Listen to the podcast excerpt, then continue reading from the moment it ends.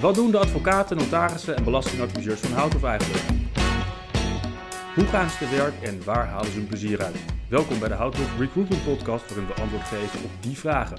Mijn naam is Dave Cohen en in deze aflevering... Matthijs Heijerman. Ik werk 12 jaar bij Houthof, van de eerste twee jaar als studerend juridisch medewerker. Ik heb notarieel recht gestudeerd in Utrecht. En wat doe je bij Houthof? Ik uh, ben kandidaat notaris. Ik uh, werk dus op de sectie Real Estate en behandel daar uh, verschillende soorten vastgoedzaken. En dat gaat onder andere van de overdracht van, van grote woningportefeuilles, kantoorgebouwen, ontwikkelprojecten, maar ook stationslocaties waar wij ontwikkelingen begeleiden. Ja, en daar gaan we het over hebben. We behandelen altijd een, een zaak of een cliënt. En in jouw geval is dat... Dat zijn NS en ProRail. Ja, voor de scheiding, wat is ook weer de NS en wat ProRail? Waar ligt dat verschil? In de jaren 90 zijn NS en ProRail gescheiden, waarbij NS de vervoerder is en verantwoordelijk is voor de treinen en voor de exploitatie van de stations. En ProRail is de beheerder van het spoorwegnet. Ja, de rails. Van de rails. Ja, we gaan het hebben over een station. Welk station specifiek? Nou, moet ik misschien zeggen dat we in de loop der jaren eigenlijk alle bekende stations en grote stations in Nederland wel voorbij hebben zien komen. Uh, want uh, ik wil nu graag even hebben over station Delft.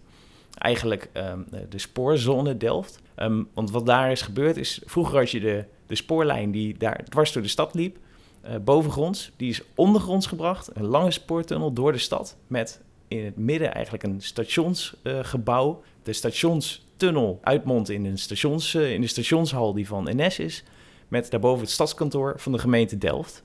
Andere eigenaar? Ja, meerdere andere eigenaars. Want de eigendommen van, uh, van ProRail, NS en de gemeente... die moesten daar uiteraard worden gescheiden. En uh, dat was uh, een project wat we dus in, samen met die drie partijen hebben opgepakt. Um, we hebben daar niet alleen... Nou, we, we, begonnen eigenlijk met... Dan moet ik misschien even onze rol uitleggen.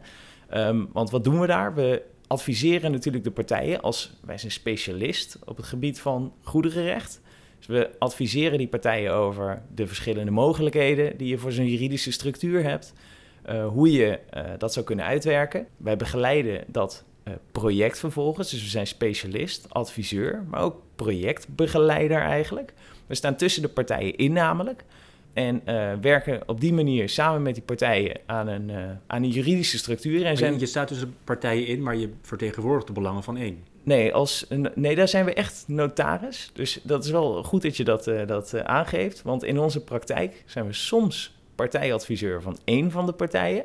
Als je daar maar heel duidelijk over bent, mag je dat als notaris ook. En soms zijn we echt de traditionele notaris die tussen alle partijen in staat. Dus dat is een, in dit geval was je die traditionele? In dit geval waren we die traditionele notaris die ja. de belangen van alle partijen eigenlijk Ja, nou weet ik uiteraard al wat je wil vertellen over Delft. Zo traditioneel is dat niet. Nee, nee, dat is inderdaad, dat was eigenlijk wel best wel een innovatief project. Um, want voor zover ik het nu heb verteld, uh, waren we gewoon de, ja, de, de notaris die de, de zakelijke rechten vestigt.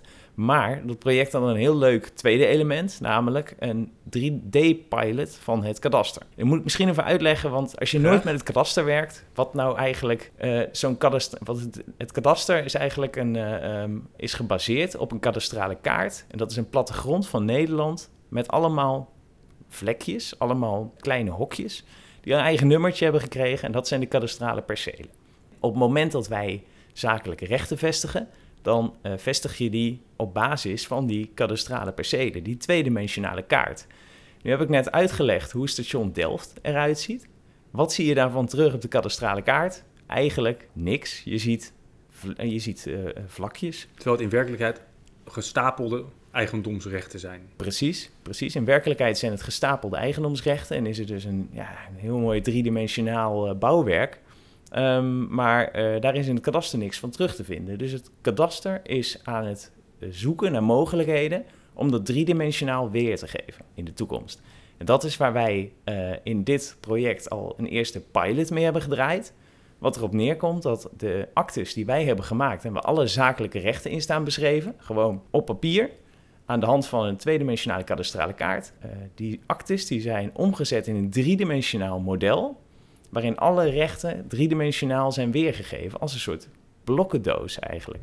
Waar je doorheen kan lopen, doorheen kan manoeuvreren en zo alle rechten uh, kan zien. Ja, nou zeg je het is een pilot en daarmee zal dit invloed gaan hebben op over, over hoe het kadaster tussen nu en, nou, laten we zeggen, de vierde dimensie uh, werken gaat.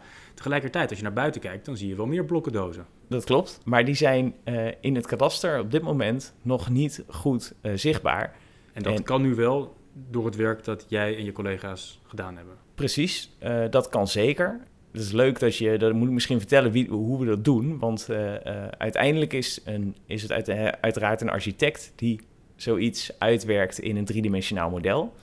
We hebben dit dossier dus ook samen met een, nou, niet alleen met, met, met onze cliënten, maar ook met de TU Delft en met een architectenbureau behandeld. En uiteindelijk zat ik dus als notaris bij de architect op kantoor om, uiteindelijk, om dat 3D-model af te ronden en zo vorm te geven dat dat in het kadaster kan worden ingeschreven. Ja, dat is nu gebeurd. Uh, betekent dat dit op korte termijn ook studiestof gaat worden, denk je? Hopelijk. Uh, ik weet dat het op de TU Delft al wel studiestof is. Um, en het is natuurlijk een kwestie van tijd voordat ook de juridische studenten hier uh, uh, mee te maken krijgen. Je, je, kijkt er heel trots bij. Nou ja, ik denk dat dit, dat dit een kwestie van tijd is. En dan uh, gaat, dit, gaat dit wel gevolgen hebben voor het vak onroerend goedrecht. Ja. Ja. ja. Even voor de duidelijkheid. Het voordeel natuurlijk, en verbeter me als ik ongelijk heb, het, het voordeel van 3D is dat je meer zien kan. En dus veel gedetailleerder kan vastleggen. Minder discussie, minder gedoe achteraf. Exact, exact. En dat is ook precies het doel van het kadaster met dit hele project. Dat het beter, dat de kadastrale kaart veel beter inzichtelijk maakt wat er nou uh, feitelijk gebouwd is. En vooral natuurlijk wat er voor rechten voor gevestigd zijn. Nou zit je denk ik vast nog wel eens in een trein of je komt langs een station zoals een ieder. Wat voor binding heb jij nou met zo'n NS of ProRail locatie? Je zit daar diep in. Ja, ik, precies. En uh, inderdaad, je ziet eigenlijk, uh, je ziet natuurlijk deels is het een project waarvan je weet, en dat geldt zeker voor de grotere stations, dat je eraan meegewerkt hebt. Um, en dat is gewoon, uh, dus je bent er in die zin wel echt mee verbonden. Um, en uh, daarnaast is het wel aardig, en dat maakt het ook zo leuk wat wij op vastgoed doen, dat het heel tastbaar is. Dus het gaat over echte gebouwen. En het zal niet voor het eerst zijn dat ik bij, terwijl ik een treinstation doorloop, toch even een ommetje maak naar ergens een, een hoek van een stationshal om te kijken hoe het er nou in werkelijkheid precies uitziet. Ja, omdat jij weet waar de, de letterlijke bijna ogen en haken uh, zaten. Ja, precies. En uh, uh, inderdaad, ze zijn altijd stukken waarvan het fijn is om het toch even in het echt te bekijken. En uh, dat heb ik regelmatig gedaan, ja. Waar ligt voor jou het grootste plezier in het werk? Is het de uitdaging om het zo nauwkeurig mogelijk goed te regelen? Of is het misschien wel de impact die je hebt op het straatbeeld? Um, het, is, nou, het is de uitdaging om het, om het uh, te regelen samen met uh, je cliënten. Um, het zit hem echt in die, in die samenwerking. Het is niet zo dat bij ons iets neergelegd wordt, uh, notaris, zoek hem maar uit. En we horen het wel als de akte gepasseerd is. Nee, het is echt een, echt een proces waar je in gaat samen met je cliënten. Daar bouw je echt een band mee op, ook door de jaren heen. Zeker als je in dit soort projecten meewerkt. En dat maakt het ontzettend leuk om te doen. Studenten die naar ons zitten te luisteren nu, die kunnen vast wel goed advies gebruiken van iemand uit het veld. Wat had jij graag willen weten toen je student was? Wat voor advies had je willen hebben wat je niet gehad hebt? Ik zou echt de, de kansen grijpen die er, die er zijn uh, als student. Waar moet je dan aan denken? Nou, ik ben als student ben ik als studerend juridisch medewerker bij Houthof uh, aan de slag gegaan. Um, en ik heb daar uh, zonder dat ik daar van tevoren heel veel beeld bij had, ongelooflijk veel aan gehad. Ik heb uh, twee jaar als studerend juridisch medewerker hier rondgelopen. Uh, vooral omdat ik, het, omdat ik er heel veel van leerde. Het motiveerde me extra tijdens mijn studie. Ja, en het was gewoon hartstikke leuk om in een leuk team samen te werken en op die manier de praktijk te leren kennen. Ja, dus nog voor je afgestudeerd bent, probeer een ingang te vinden bij een goed kantoor. Absoluut, ja. En als het een beetje mee zit bij Houthof. Ja, exact. Ja. Tot zover de Hout of Recruiting podcast. Dankjewel Matthijs. Kijk voor meer informatie op houtofcom slash carrière. Dank voor het luisteren.